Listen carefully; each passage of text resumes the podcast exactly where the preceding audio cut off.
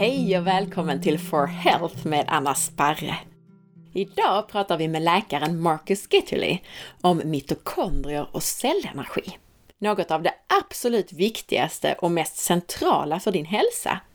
Och du får konkreta tips för hur du förbättrar dina mitokondriers hälsa.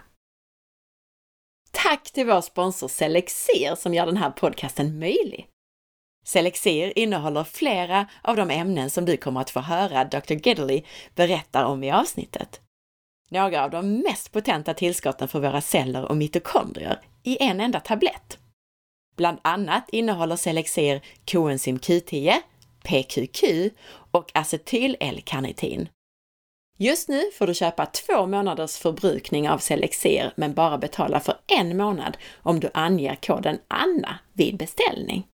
Eller ange Anna15 om du vill prenumerera på Selexir med 15% rabatt. Gå till selexir.se. I den här versionen av intervjun så finns det svenska sammanfattningar.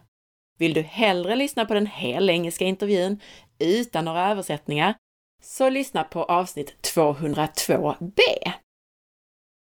Om du gillar den här intervjun så dela med dig av den på Facebook, Instagram eller till en vän och gå in och lämna en recension i iTunes. Det är helt avgörande för poddens överlevnad och gör det lättare för mig att få hit intressanta intervjupersoner. Tack på förhand! Det bästa från poddarna finns nu i skriftligt format som e-böcker. Böckerna om kost, rörelse respektive om livsstil lanserades för ett par veckor sedan och nu finns även Kraften i naturlig tarmhälsa som handlar om din mage och tarmflora. Nästa vecka kommer den femte och sista boken Kraften i naturlig hälsa Ät dig frisk, som handlar om hur du tar makten över din hälsa och förebygger eller reverserar sjukdom. Ladda ner böckerna på forhealth.se under fliken Böcker.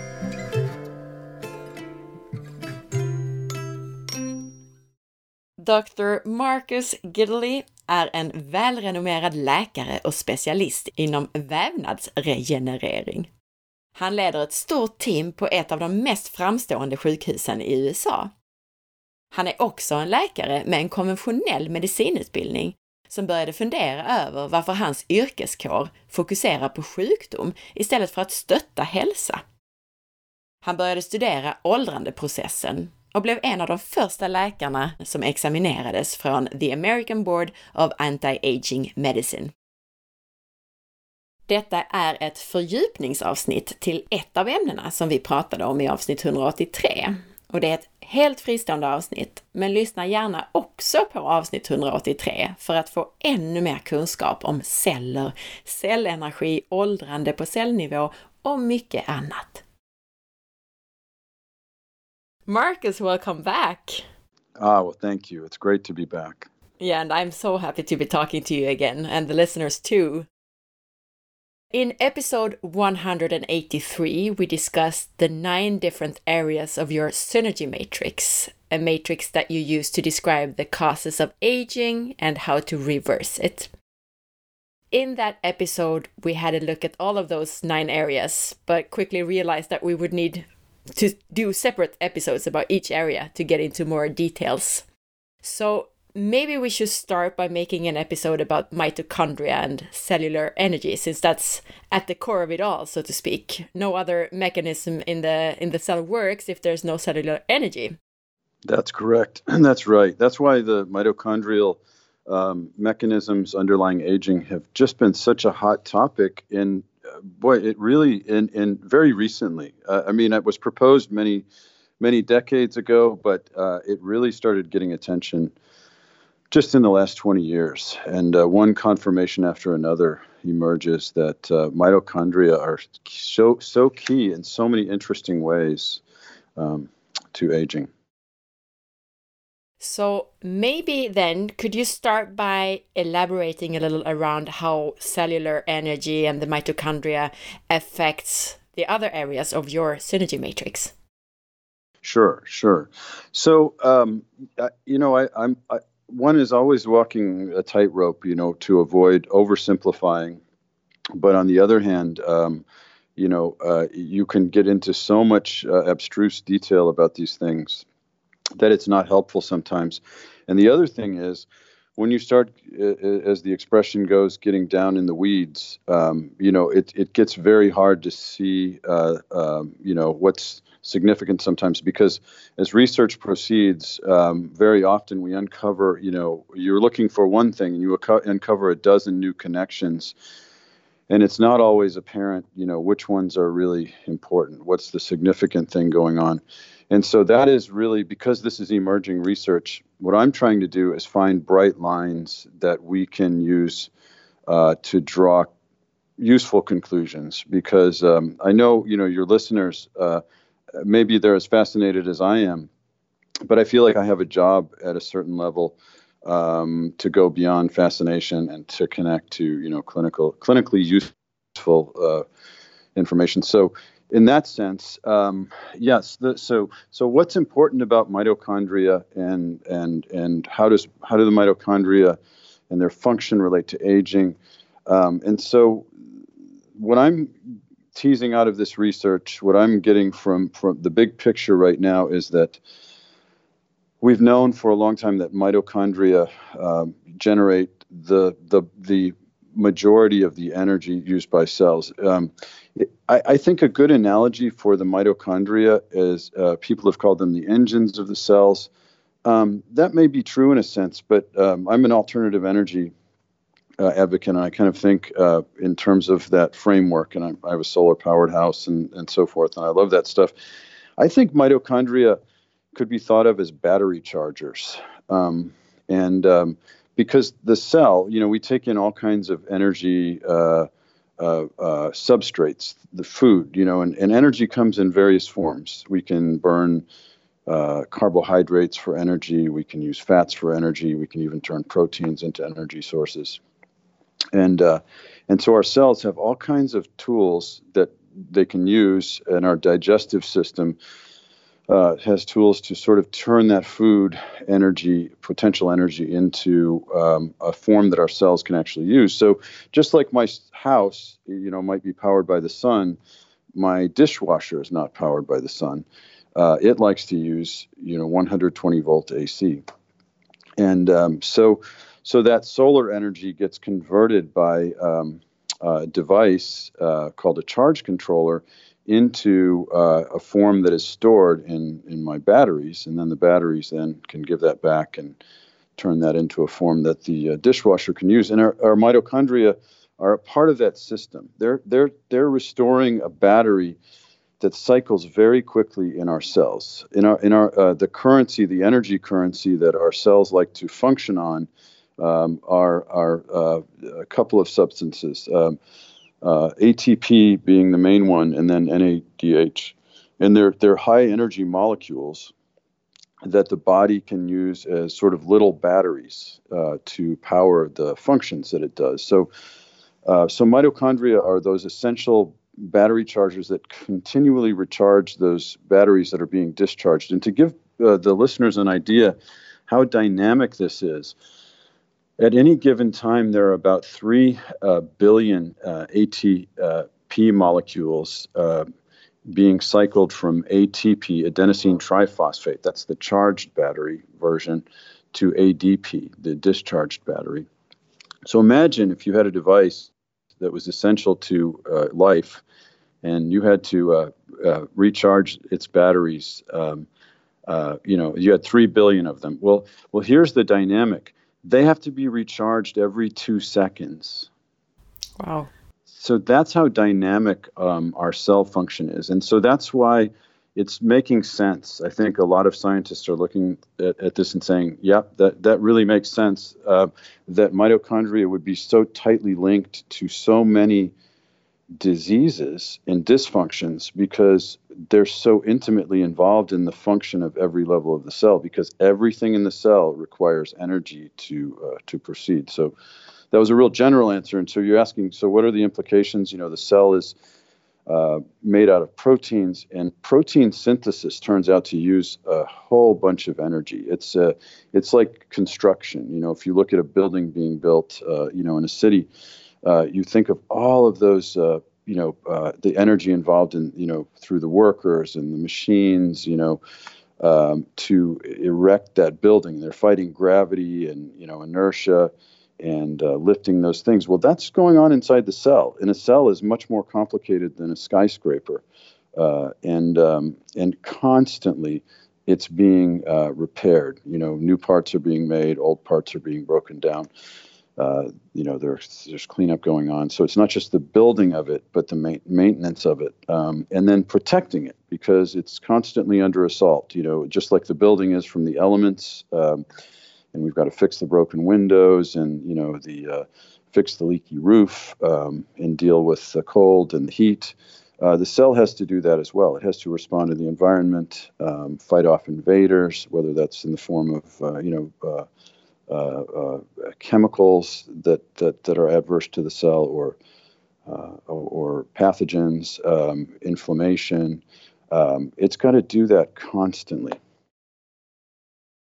if I remember correctly, in episode 183, you referred to it as LA in the summer. You have that limited amount of energy and you have to sort of turn off some yes. things to keep other things going if you are in lack of energy.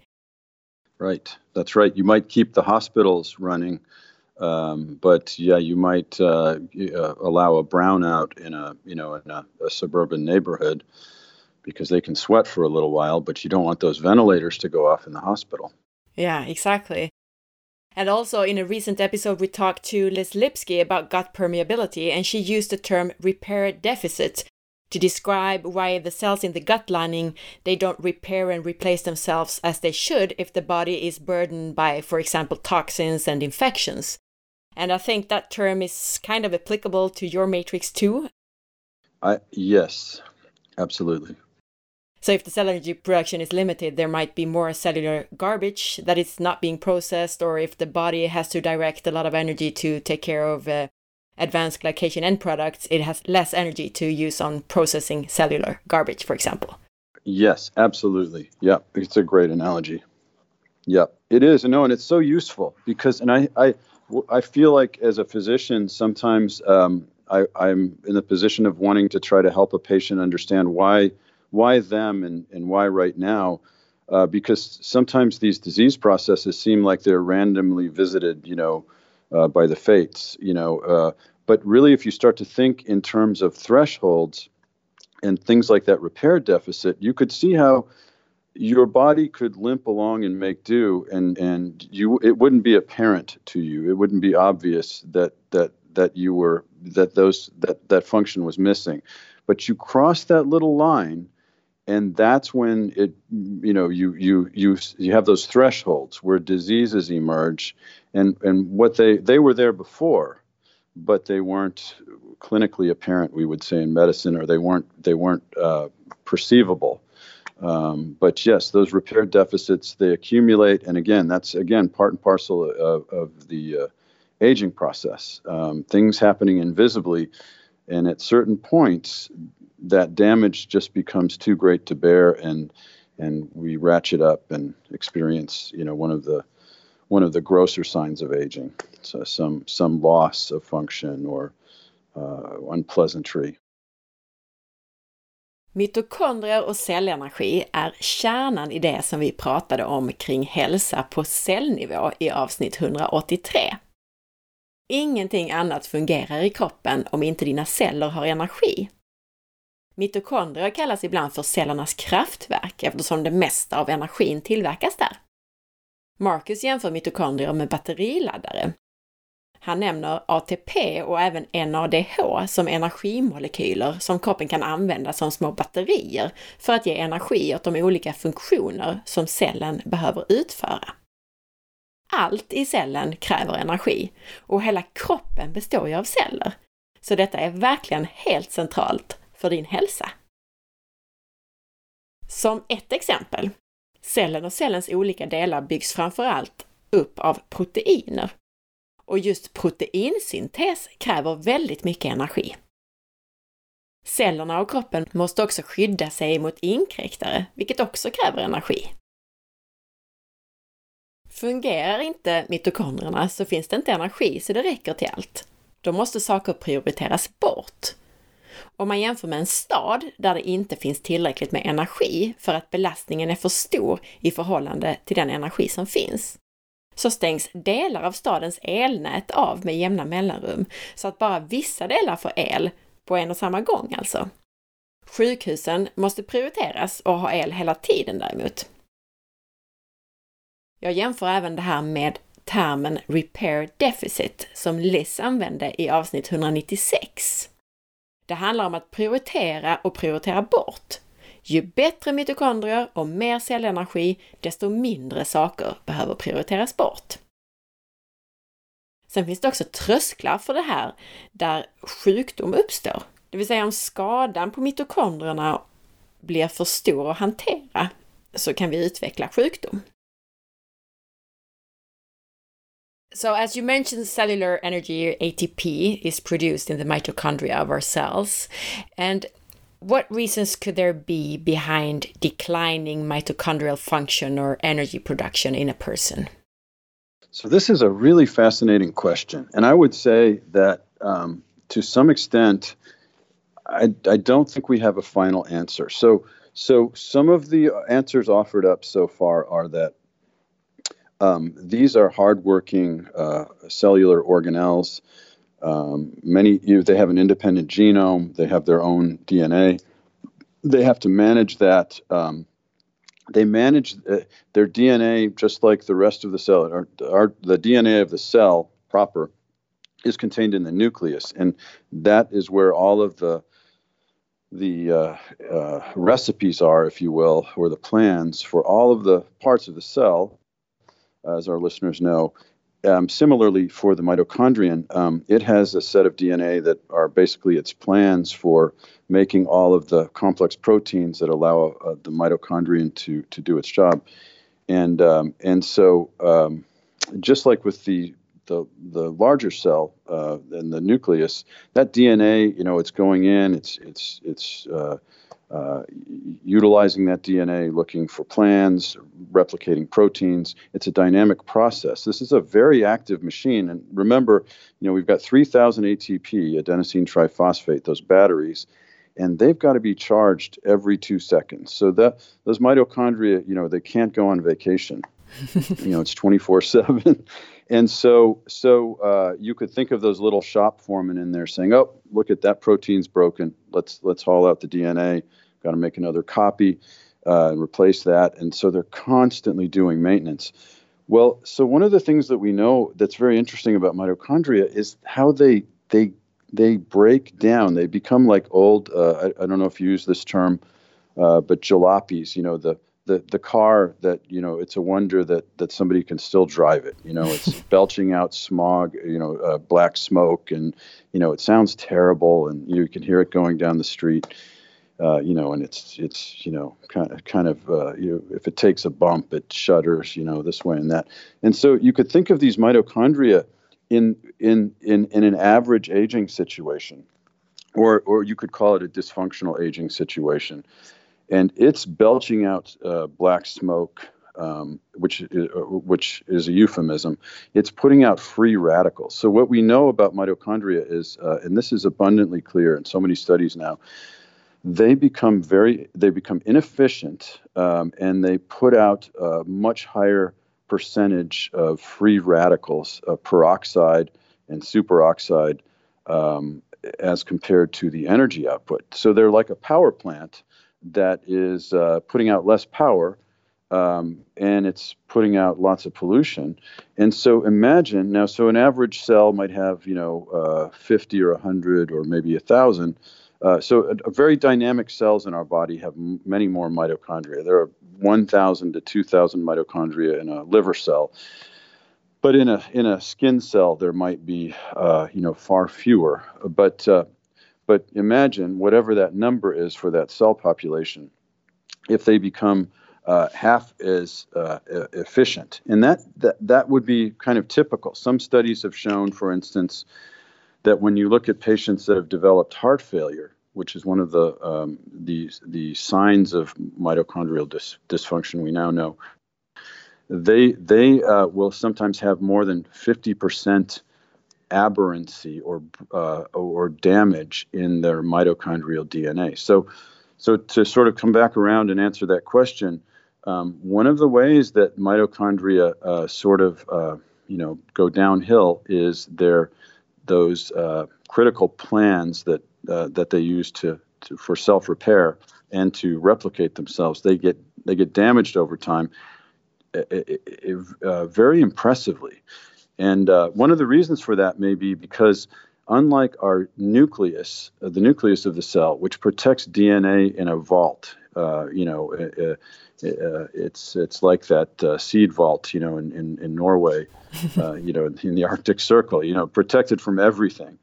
Uh, whereas the, in the mitochondrion, it, it's it, you could think of it as like a, a, a factory, you know, uh, with uh, noise and you know smoke and you know busyness going on, and and somewhere there's a little closet where it's got the plans, you know, for for fixing all the machines, and somebody left the door open. so so yeah, so it's kind of a predicament and a very interesting one um, uh, that that's now starting to you know j- just shed a lot of light on this uh, as to why energy might decline um, and mitochondrial function decline. So if we take that one step further then because if, if the problem is that the plants the dna of the mitochondria is being destroyed why is that? I mean how can we protect the dna of the mitochondria? So that is a great question and that absolutely. And this is one of the things that i love about this research um, about mitochondria and aging is because it's so elegantly actionable i think so when you look at this, um, and you look at this these processes as we're beginning to understand them, that these mitochondria they're doing a really hard job. They're doing it 24 seven. Um, they're running at the limit all the time, and they're suffering this ongoing damage. Um, when you look at how that damage occurs, it's sort of a uh, I talk about in my book uh, the idea of positive synergies uh, in in in, uh, in health and negative synergies, and aging being sort of this negative synergy. Well, you've got these mitochondria; they're running full out, and they're producing naturally some byproducts. They're producing the the peroxide, uh, which is very oxidative, you know, superoxide. These free radicals, these extra electrons, are like a buzz saw, and they damage proteins that they come in contact with and think of the mitochondria and it's made out of protein. It is it is a set of complex proteins all linked together. And uh, and and uh, so that that very process of doing its job leads to this excess production of these damaging uh, substances. Well this is again back to what i love about this is research has also shown us the way to protect mitochondria from that damage. We've learned that we can uh, both make mitochondria more efficient, um, but we can also uh, protect them from those free radicals. So we've got very exciting. Um, uh, it's it's one thing to discover a mechanism of aging, um, but if it but if you can't do anything about it, you know, it's it's it's it's uh, it's interesting but it's not helpful. But in the case of the mitochondria, uh, mitochondrial aspects of, of aging research, they're just yielding up one action item after another. So, um, so again, you know, to answer your question, I think um, what we've seen is that um, by by doing protective strategies, um, we can, regardless of the status of somebody's uh, mitochondria, how efficient they are, how many there are, you know, how many of them are actually functional, how many are aberrant.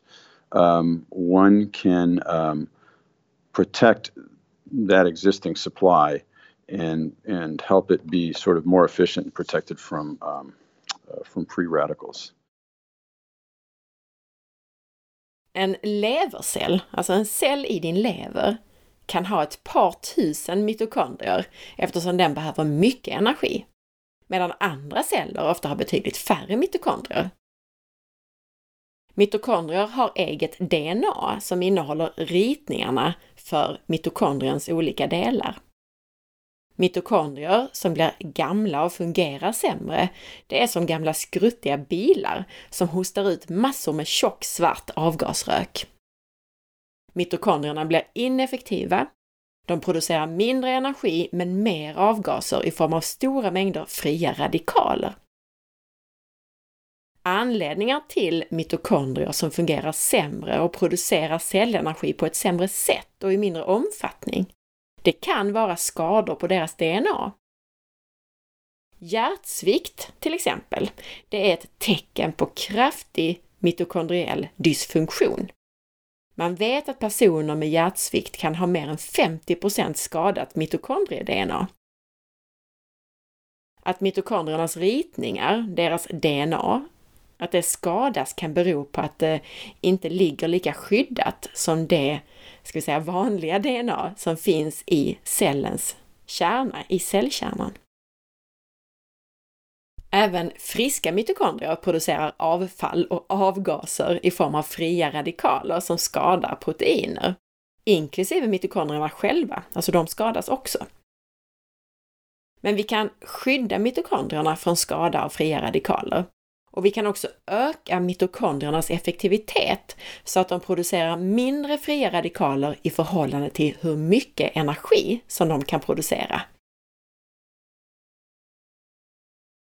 And we can talk about some of those strategies, and I, I, I don't want to pepper them all throughout, but I can, you know, at, at, some point, if you want to, I can sort of enumerate some of the these action items. Yeah, I think um, we, we should, but yeah, and maybe maybe first I should ask you what could be the first signs of reduced mitochondrial energy production?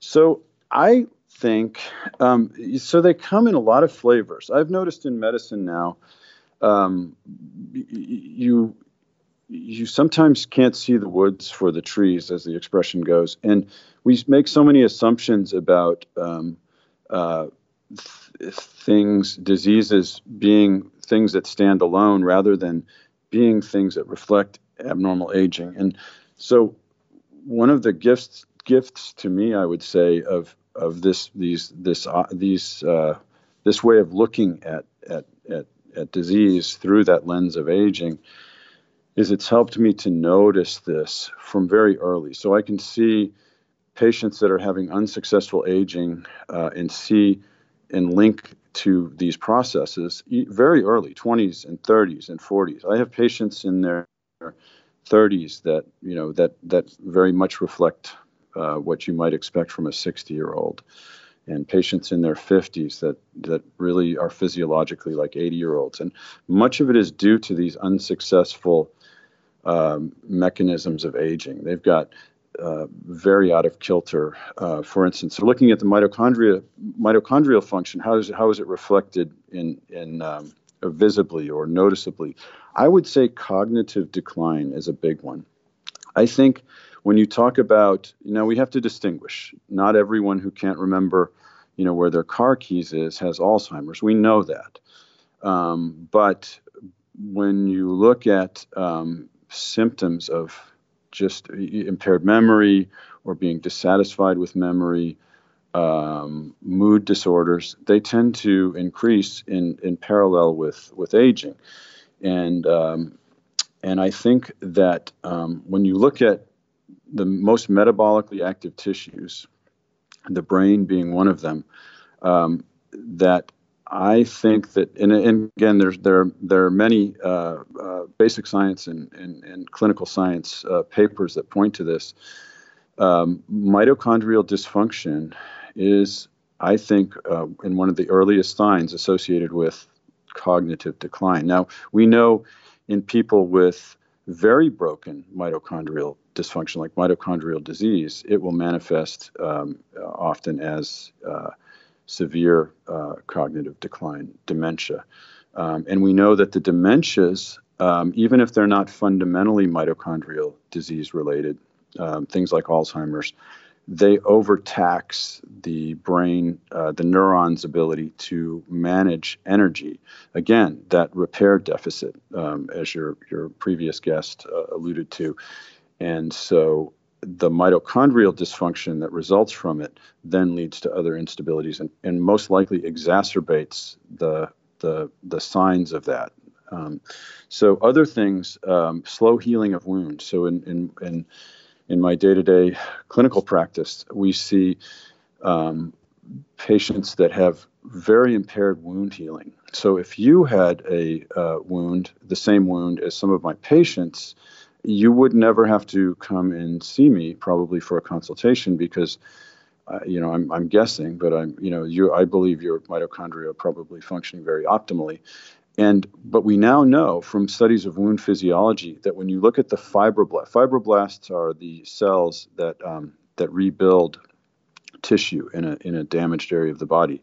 So if you've lost quite a bit of tissue you've got a wound it has to actually fill in quite a bit tissue. So those fibroblasts, uh, they're they're um, very dynamic cells, and they will uh, they have to do a lot of work sometimes to fill in those gaps. And uh, we now know that um, um, they are very much influenced by mitochondrial efficiency. So if you have impaired mitochondria, you can have a wound that in in you, Anna, it might heal in three weeks but I might still be battling that six months later in some of these patients. So we're looking at ways to restore mitochondrial function in wounds to improve that healing efficiency. Um, another thing, now we're, we're relating this back to type 2 diabetes. Type 2 diabetes affects all uh, you know tissues, all body systems. It's it's a metabolic disease, but it's intimately involved in in you know essentially every process in the body. Um, it has spillover effects of many kinds, you know, all over the body. But more and more, mitochondrial dysfunction looks to be related to a number of the undergirding processes that play out and become what we call type 2 diabetes. So this is an epidemic now. We're, we're looking at potentially 500 million people um, by, uh, I want to say 2020 in the world with type 2 diabetes. So if if mitochondrial dysfunction continues to be related uh, intimately with type 2 diabetes, and that's what the research is saying, I think that's very exciting. Um, we might actually have some uh, potential therapies um, to, to help with that by dealing with it again uh, at the mitochondrial level. Um, heart failure is a is kind of an emerging disease, and um, that was one of the earlier diseases to be tied to mitochondrial dysfunction. I think that's very exciting. And again, cardiac tissue, very dynamic. You know, the heart never takes a vacation. Um, and um, and it you know it uses a lot of energy at the cellular level, um, and um, uh, that was one of the areas where that that mitochondrial uh, DNA damage was first identified. Very interesting. I, I love the part about the type 2 diabetes as well because most of my own clients, I mean, if they come to me with diabetes, we, we change the, the diet and all is good. They, they sort of reverse their diabetes. But there, I have two clients who don't. And uh, now, when you're saying so, I should uh, definitely look deeper into their organic acids profiles and so on to, to look at their mitochondria. Absolutely. Uh, yes, absolutely. And, and again, one of the things that I think is so beautiful about looking at the whole system level at aging and disease of any kind is that uh, no doubt in your work with uh, with your clients you're looking at whole system res- restoration. You're not just trying to you know in that reductionistic way that modern medicine is so good at you know just looking at you're looking at such a small aspect of metabolism um, that you're missing the big picture. You know, you're not seeing the woods for the trees. And I think what we're trying to do, and with wellness, is is this idea of bolster the whole system, and it has a way of writing itself. And there's spillover synergies, positive synergies that um, that affect other things. So. Uh, no doubt, uh, in your work, you're you're you're supporting, you know, not just mitochondrial function, but you know, again, this this whole system health. So Tecken på mitokondrier som fungerar sämre, det kan vara många och det är i regel det man ser som tecken på åldrande. Ett viktigt tecken på sämre mitokondrier, det är nedsatt kognitiv förmåga, alltså det som har att göra med vårt tänkande och minnet. Ofta har det att göra med de mest metabolt aktiva vävnaderna i kroppen, de delar av kroppen som har flest mitokondrier. Hjärnan är en av de här delarna i kroppen. Ett annat tecken på nedsatt mitokondriell funktion eller skadade mitokondrier är sår som inte läker som de ska. Fibroblasterna, de celler som är involverade i bland annat sårläkning, de är väldigt påverkade av mitokondriernas funktion. Man relaterar också det här med sämre mitokondrier till den metabola sjukdomen diabetes typ 2. Hjärtsvikt är ytterligare ett tecken på mitokondrier som inte fungerar, som vi nämnde innan. Och hjärtat är ju ytterligare en vävnad som kräver stora mängder energi och har mycket mitokondrier. To summarize what you said before about the mitochondria and the de declining function of the mitochondria, you sort of said that it's like a power plant and the worse it gets, the more smoke and the less energy, so to speak. Right, exactly. Yes. Yeah, and, and you said that we need to increase its efficiency and we also need to protect the mitochondrial DNA.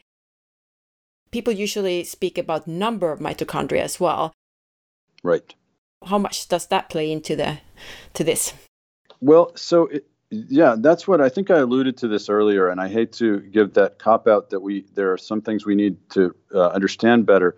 But one of the areas that I think we we do have answers in, but we we're not sure yet. Uh, you know, just uh, why why uh, some things are beneficial. Um, but but some of the most recent research. Um, there's a great paper, and maybe I can find uh, this again and share it with your readers from 2016. But it shows that what may be uh, more significant than the reduction in absolute energy production is this free radical, the, the broken mitochondria problem. That actually may be the most significant aspect of this. And so be, that pollution. Um, the cells may actually be able to do uh, to limp along on the lower energy production but because of that extra repair burden from all the the extra smog, um, they're choked out. So, so what if we could get mitochondria? They have this internal cleanup process. If a mitochondria is critically damaged and it can't be repaired, you know, it's sort of beyond help. It can destroy itself, and um, and cells have a way of dealing with that that debris. I think we're going to talk about that on another episode. Um, or another podcast. But um, mitochondria have that uh, uh, mechanism uh, uh, to be able to take themselves out of commission and stop producing that smog. And um, so this is where, uh, with, if, if you'd like to talk about uh, PQQ, should, can I bring up? Yeah, yeah, yeah, that would be great. So, so pyrroloquinoline quinone, um, it's a it's a, a coenzyme Coenzymes are are molecules that are uh, that don't directly participate in, in a chemical reaction, but they facilitate uh, sort of alongside.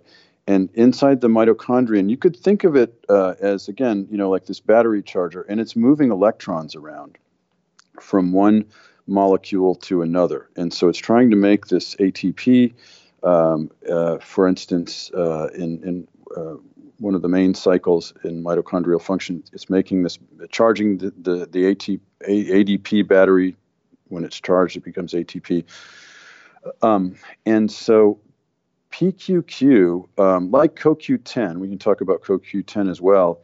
They're they're these um, uh, um, they're they're um, molecules that allow those electrons to move uh, from one place to another. Very complex process. It's a beautiful process. Uh, these are beautiful uh, uh, machines, um, and so so PQQ though, besides just facilitating this transfer of electrons, we didn't know what this was for a long time. It was discovered many many years ago, sort of sat on the shelf, and no one realized the significance. Um, it, it, it's it's a, uh, a molecule that we can't really effectively make. So uh, that was not clear uh, at first either. Uh, but we're very much dependent on this. And this could be one of the ultimate linchpins. This could be one of the greatest things that we've ever discovered about aging and how to modify the aging process. So, PQQ, it, it's a, you can supplement it in very small amounts. 20 milligrams a day would be a, a very generous dose for a, uh, uh, an adult. And what it allows uh, uh, the cell to do is get rid of bad mitochondria, among other things. So, this little molecule, uh, w- uh, in, in a very small dose, allows the cell to shut down these polluting mitochondria.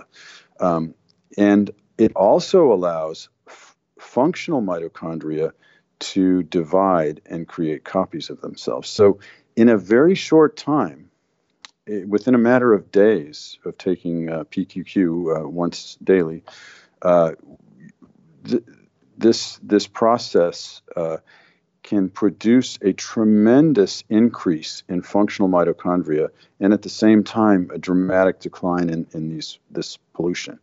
Um, and so what I find really interesting about this is that when if you've experienced this, I think you have, I have, uh, many people now have, when they've taken PQQ, it's obvious that something is going on. It's one of those things uh, and it makes sense because when you look at the, the data, I mean, we're talking about a massive upgrade in energy production ability uh, and and a reduction in pollution. Uh, I, I, you could not, if this were, if, if PQQ had been discovered, you know, five years ago, it would be a $10 billion drug. um, but unfortunately, well, fortunately for us, it was discovered, you know, 30 years ago and so it's it's not patentable. So um, so uh, actually, that's a gift to humanity that we didn't know what it was. I think when when it was discovered. So it's it's dramatic. So so so PQQ. So back to that original question: What do we do about this? Are we stuck with these bad mitochondria? Um, you know, uh, no, we're not. Um, we PQQ is revolutionary, and so it's being looked at in disease processes. Uh, it's it, uh, uh, folks in the uh, medical community that are dealing with patients with mitochondrial diseases affecting the muscles, uh, uh, ner- nervous system, the cardiovascular system. They're finding that you can actually modify the manifestation of these diseases by supplementing with PQQ. The patients actually do better. They feel better. They perform better. Functional measures improve. Um, in neurologic diseases, measures of memory improve very quickly. Uh, reaction time, um, uh, subjective measures of or, uh, uh wellness, um, patient perceived wellness improve. Um, and if you've ex- you've you've experienced this, have you taken PQQ yourself? Yeah, I have. Uh, but I started with the CoQ10, and I that made a big difference for me in uh, how I get back after training, for example, how fast I recover. And when I added PQQ, I think it improved even more, but uh, it's hard to tell what's what there, I think. Yes, and it's true. And they're both uh, coenzymes. So they're both, you know, sort of in that same electron chain, we call it, where, you know, the, the, the, the, the process that the mitochondrial uh, are using to uh, create ATP. So they're they're synergistic, and um, you know I talk about this in in um, Growing Young that they're it's good to take them together just because they are so intimately related in that mitochondrial function. Um, but um, so very exciting. So CoQ10, I should mention that as well. And again, the research does show that synergy. They, if you take them both, um, you get better overall effects.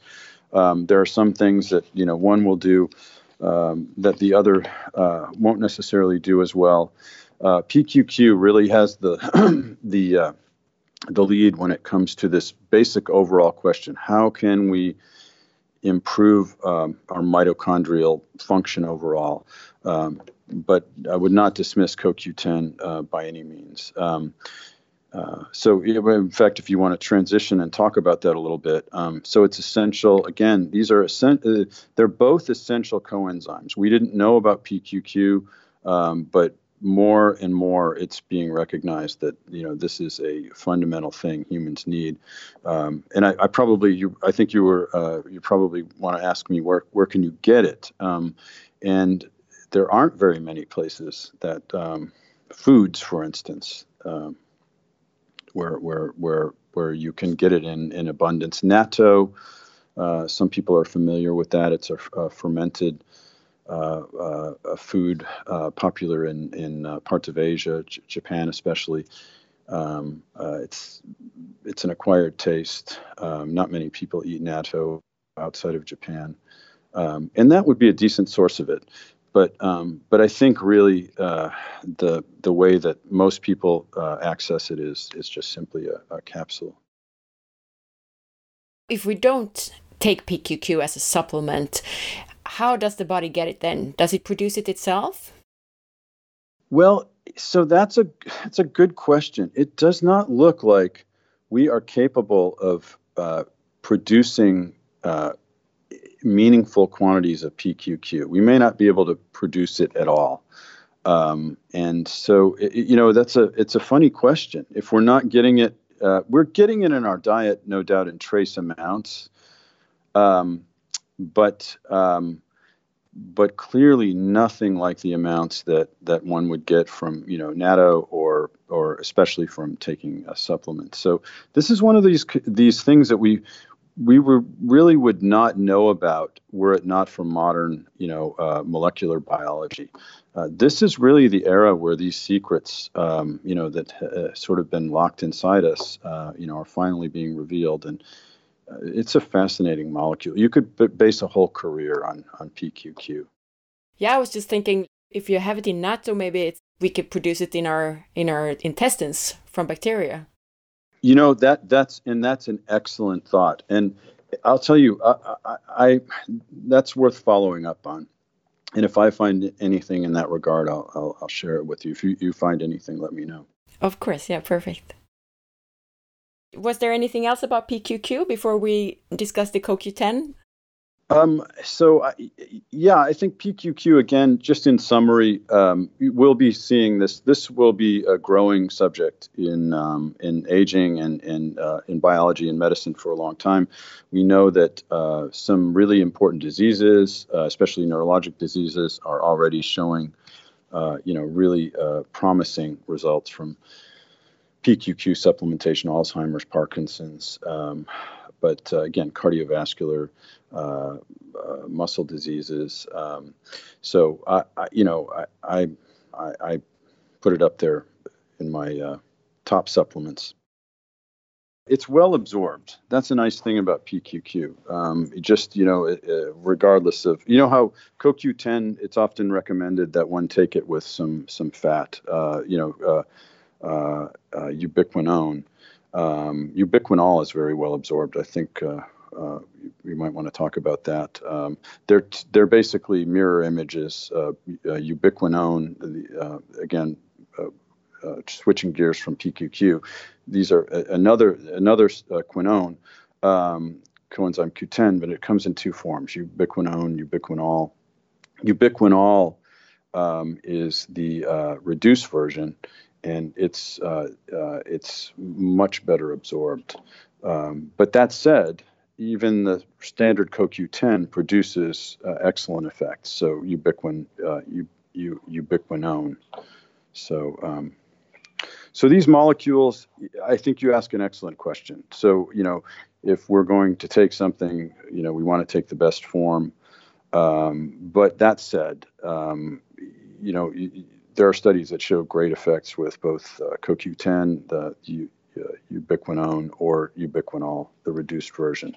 Ubiquinol is becoming very popular, and I can certainly see why, because some studies indicate that um, you can get uh, you can take one tenth as much ubiquinol and get similar effects uh, to uh, you know ten times more uh, ubiquinone. Is that useful? Yes, yes, very much so. That was one of my questions too, if, if it matters what form of, of CoQ10 we take. But then again, I, I've, I think also there's some kind of genetic explanation too that some people yes they're better prepared to reduce it themselves in their body. Absolutely. Yes, some people and and this is complex too because there are so many genes involved in the mitochondrial um, mechanism, the respiratory chain, that electron chain. Uh, many different enzymes are made that you know are involved in that. Uh, the structural proteins of the inner mitochondrial membrane, very complex machine, and all of the parts are are described by DNA genes inside that mitochondrion. And so, just like everything else, you know, when you look at somebody, some people have blue eyes, some have brown eyes, some are tall, you know, some are shorter, some are wide and it's very much like that. If we could see into each other's cells, you know, we would see that your mitochondria, you know, look different from mine, uh, function differently. And so you're right. It's a complicated question. Um, and you're, you're, right. Some people make more CoQ10 uh, in their cells. Some people protect their CoQ10 better. Um, and and we will be uncovering those secrets uh, as as time goes on. But the nice thing to know is that anyone, regardless of your phenotype, you know that type, your genetic type in your mitochondria, um, we we can all benefit from PQQ or from CoQ10, ubiquinol, the uh, uh, the other form of CoQ10. Uh, and that's good to know. And, and none of us, I'm not aware of any contraindication. I'm not aware of any genetic type or phenotype um, that would be associated with harm from either of these things. So that's a really good thing to to know. Just to to go back to the role of CoQ10 because you explained in detail what PQQ does in the mitochondria or for the mitochondria, but CoQ10, what does that do? So CoQ10, you know, uh, it makes your mitochondria more efficient. Um, it's it's directly involved in that uh, respiratory chain. That that it, where, where the I hate to use terms like that that are uh, so specialized, but it it helps the mitochondrion do that job of taking the energy uh, molecule, the, the the food molecule, as it were. Uh, in in this case, uh, they're they're uh, acetyl groups that are brought into the mitochondria and taking the, uh, the electrons from them and putting them into um, something else, the, the battery, the cell batteries, charging the cell's battery. Um, and so there are other things. There, there are um, a number of things that uh, coenzyme Q10 does, um, but they all get back to just allowing the mitochondrion to do that more efficiently and potentially with less pollution. So, similarly, in a way to the PQQ, just not as radical or profound but um, and and CoQ10 was popular for a long time before we really knew about PQQ. Um, and so, if you look at studies of what uh, coenzyme Q10 does, um, for instance, I'm excited by things like the heart failure studies. That's that's probably the first area where it became popular. You can show uh, that um, coenzyme Q10 supplementation or ubiquinol supplementation will improve measurably uh, heart function. Um, so that would be useful to someone aging who's been told that they have potentially heart failure. The other thing is in in uh, uh, where statins are so popular these days, you know, cholesterol lowering drugs. Uh, we know that they reduce the um, availability of CoQ10. They reduce the pr- production of CoQ10 in the cell. And uh, so many physicians now that do prescribe statins also prescribe uh, coenzyme Q10 or ubiquinol. And uh, that's thought to be very protective. People that have had muscle side effects from uh, uh, uh, statin drugs very often find that if they supplement CoQ10 or ubiquinol, those muscle aches go away. they don't feel as, as bad. I think cognitive decline associated with those drugs has been ameliorated by uh, coenzyme Q10. So, um, because statins they actually hinder the production, the body's production of CoQ10.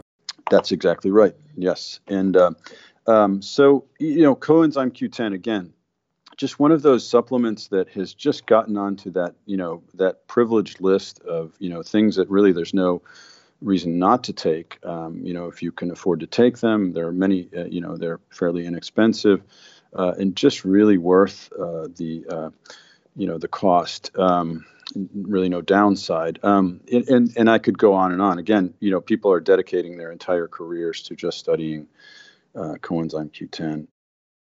But CoQ10 is a substance that the body produces itself as well. So, I mean, if we want to enhance the body's own production of CoQ10, is there a way? I mean, what what are the building blocks? Can we can we improve that somehow? So, you know, uh, I supplementing with with some other things could can increase the available amount of CoQ10.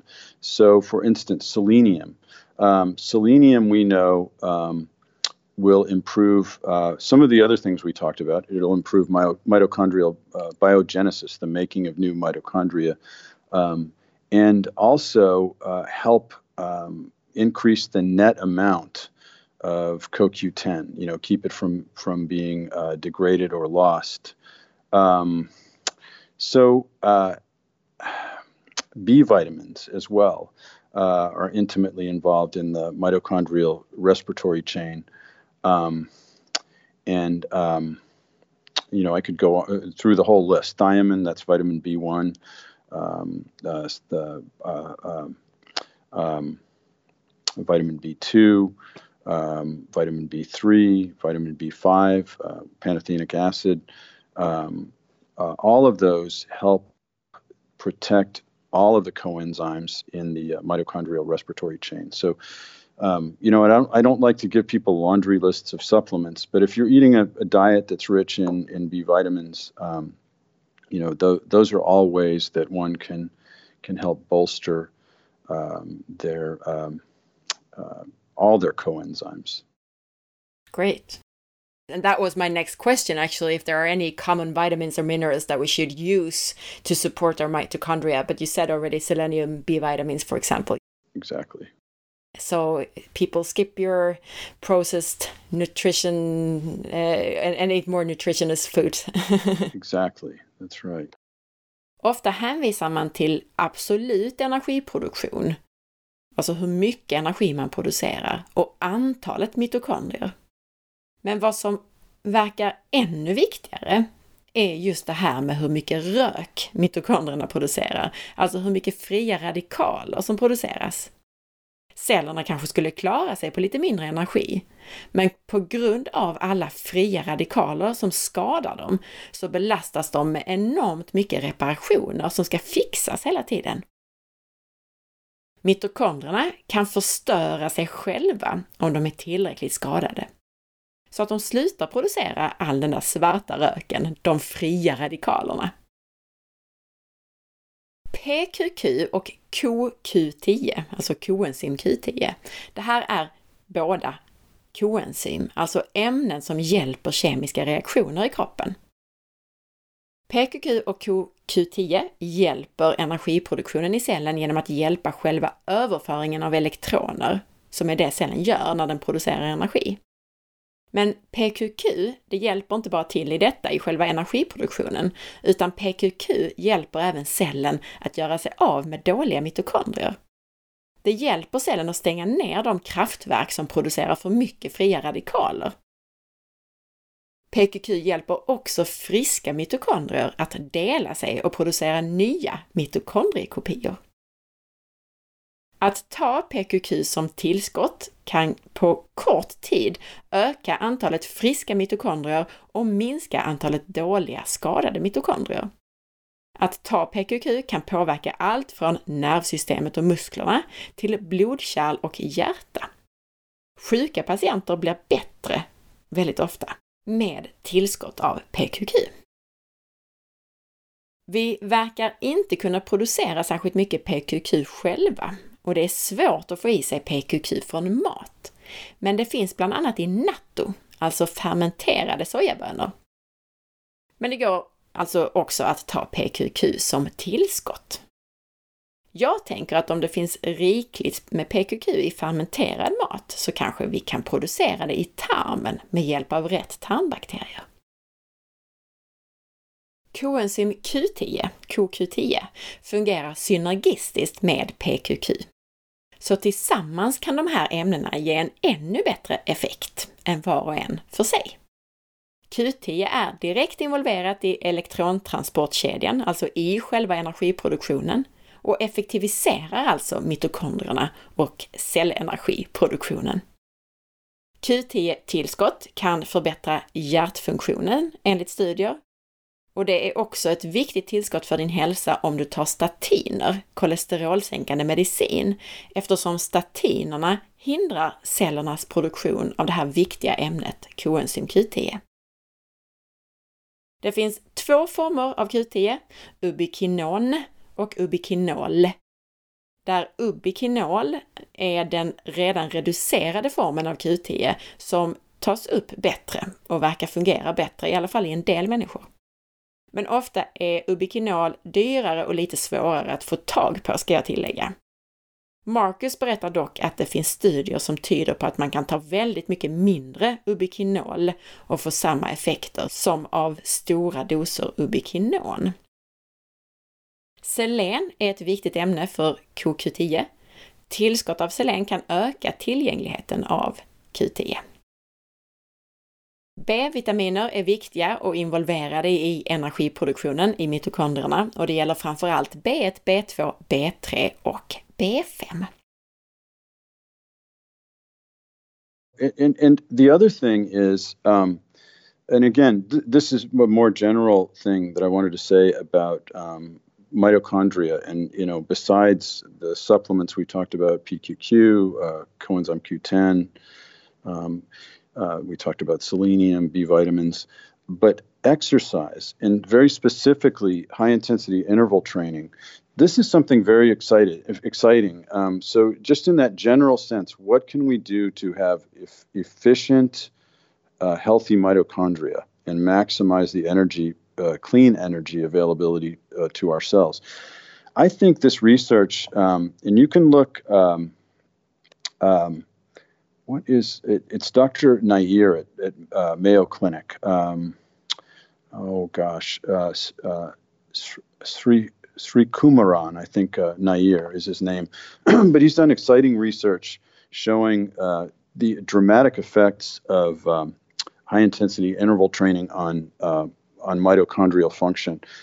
And he has shown that you can achieve 50% improvement in actual mitochondrial function in aging people. These are normal people. They're not high performance athletes. They're actually a, a kind of a representative population of that, you know, uh, probably abnormally aging phenotype, if you will and it's so dramatic. Um, I, one of his comments uh, uh, uh, in, in, one of the papers he, he's written about this is um, there is no substitute for what he is seeing uh, in these high intensity interval training effects when it comes to aging. Um, these things cannot be done by any medicine. And I think that's very interesting. Um, so uh, when you combine, if you think about a regimen where you're combining, you know, sensible supplementation, uh, of course, eating a, a prudent diet, um, and then adding this um, high intensity er, high intensity interval training to the mix, um, you could achieve uh, dramatic improvements in mitochondrial function through multiple mechanisms and sort of derive a synergy from that uh, that I think is very profound. Interesting. Fysisk aktivitet och särskilt högintensiv intervallträning kan ge en dramatisk effekt på mitokondriell funktion och cellenergiproduktion. Det kan alltså förbättra dina celler väldigt mycket. Att äta en bra kost och att kombinera det med tillskott som vi pratat om och med högintensiv träning kan vara ett bra recept för friska och effektiva mitokondrier. One question that I had too is a lot of people they take CoQ10 for example and they feel great. But some of the people that take CoQ10 they first they experience that they get more energy and then after 2 weeks or so that effect sort of declines.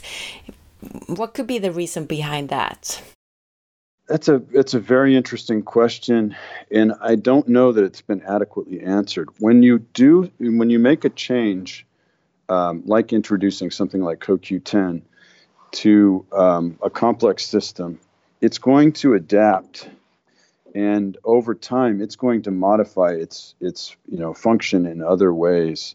maybe to compensate. And that's an ever present problem.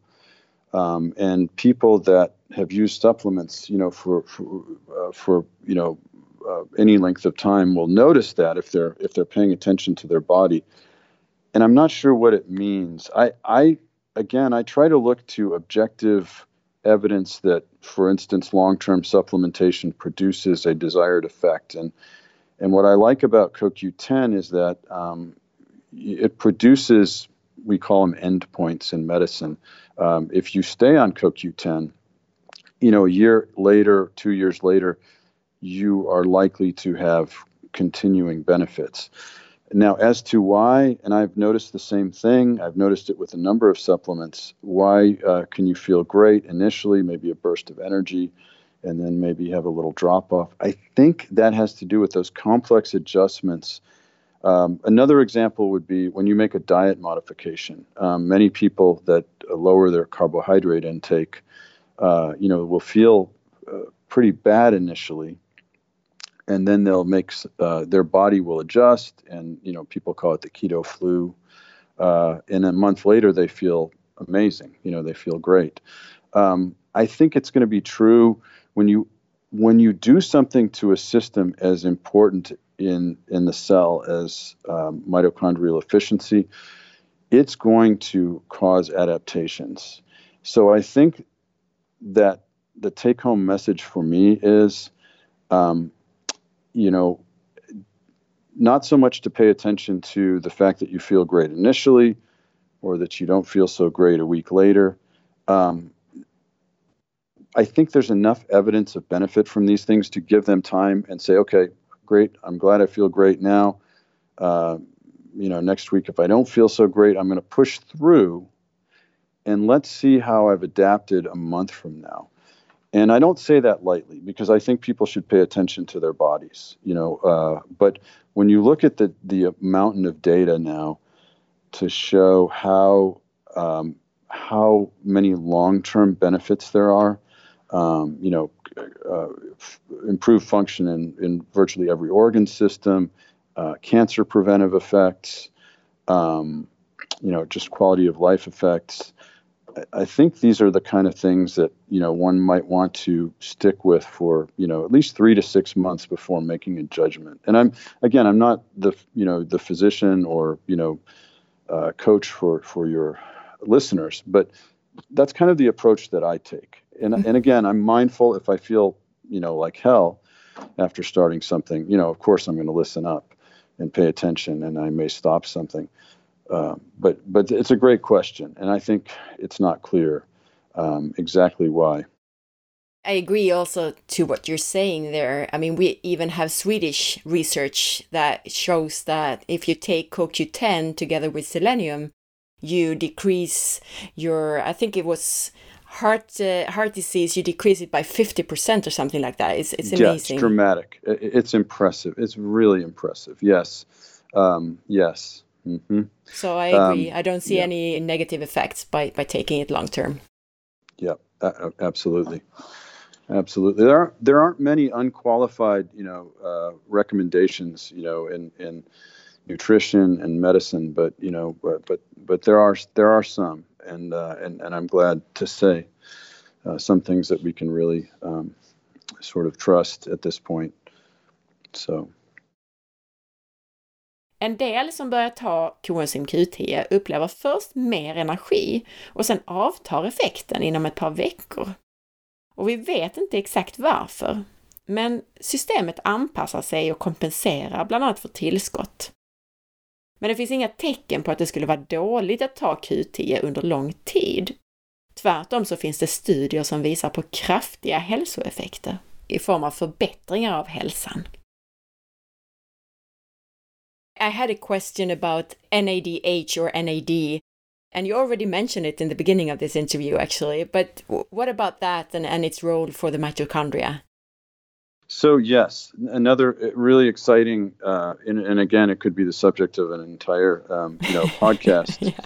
But yes, I, I uh, yes, um, uh, I another molecule with tremendous potential, lots of emerging data. Um, you know, it's something I've taken myself. I don't take it currently, um, but uh, again, hard to ignore. We we should perhaps do a, podcast if you'd like to, because there's there's a lot to say about it. But it's a form of, of vitamin B three, right? Well, yes, it, it, it is. It is. That's right. And it has some kind of role in the energy production. It does. Yes. Yes, it's a it's a deep subject. Um, I hate to launch in. I think we're toward the end of this podcast, but uh, yes. Uh, but I, I it's uh, I'm I'm worried that you'll have me talking for another hour. yeah. Okay. We'll we'll save that for another podcast then. All right. Jag tar upp NADH, ett annat ämne som är involverat i energiproduktionen och som kan sägas vara en form av niacin, vitamin B3. Men det här får bli ett alldeles eget avsnitt. I use organic acid testing to look at the cell's energy production in my clients. And in my experience, the mitochondrial energy production is very much affected by stress and fatigue, as well as by th low thyroid function. What's yes. your take on that? I agree. And again, complex systems, you know, and they're they're interlinked at so many points. Um, and we're talking about metabolism here at the most basic level. You know how we process um, the most basic energy substrates, My, um, uh, and of course, thyroid uh, as a as a, uh, uh, uh, regulatory system is so intimately involved in regulating the uh, regulating metabolism, telling the body how to process at what level, you know, how how to whether it should speed up or slow down metabolism. So absolutely, it's not surprising that they'd be intimately uh, interlinked. Um, and sometimes it's hard to know where to start. But I think um, I think you I agree with you because if you if you will, you know, the the thyroid is sort of like that conductor, you know, conducting the symphony. Um, and when that baton moves, a lot of other things change. Um, and of course, all the players have to be in tune, you know, and, and have, you know, not have broken strings, as it were. So that's that really basic low level, uh, uh, you know, that we're talking about. But the conductor has to be conducting properly. So thyroid function is absolutely key. Um, and you can't have one without the other. You know, you can't uh, sort of try to regulate the thyroid unless you've got the ability to produce low level and process low level, you know, cellular energy. So I think you're absolutely on uh, doing it the right way. Uh, you do both. You support at the lowest level, you know, subcellularly, and then also try to, uh, you know, uh, foster good regulation uh, at the at the higher level, the thyroid. Mitokondriernas energiproduktion hänger ihop med hormonsystem som sköldkörteln och binjurarna. Sköldkörteln dirigerar cellmetabolismen, men sköldkörteln i sig fungerar ju inte utan cellenergi. De olika systemen påverkar alltså varandra. Thank you so much, Marcus, for, for all this information about our mitochondria and our cell energy. Well, you're welcome. You're welcome. It's a pleasure, always a pleasure uh, to talk with you and uh, look forward to more.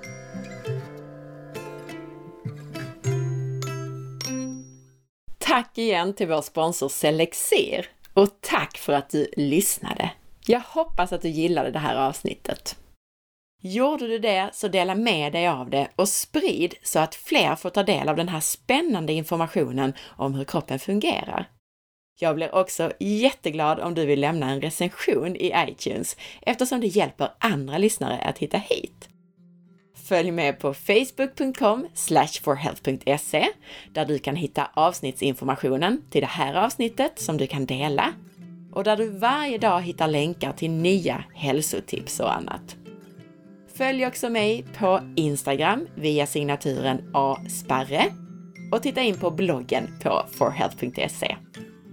Ha en fantastisk dag så hörs vi snart igen. Hej då!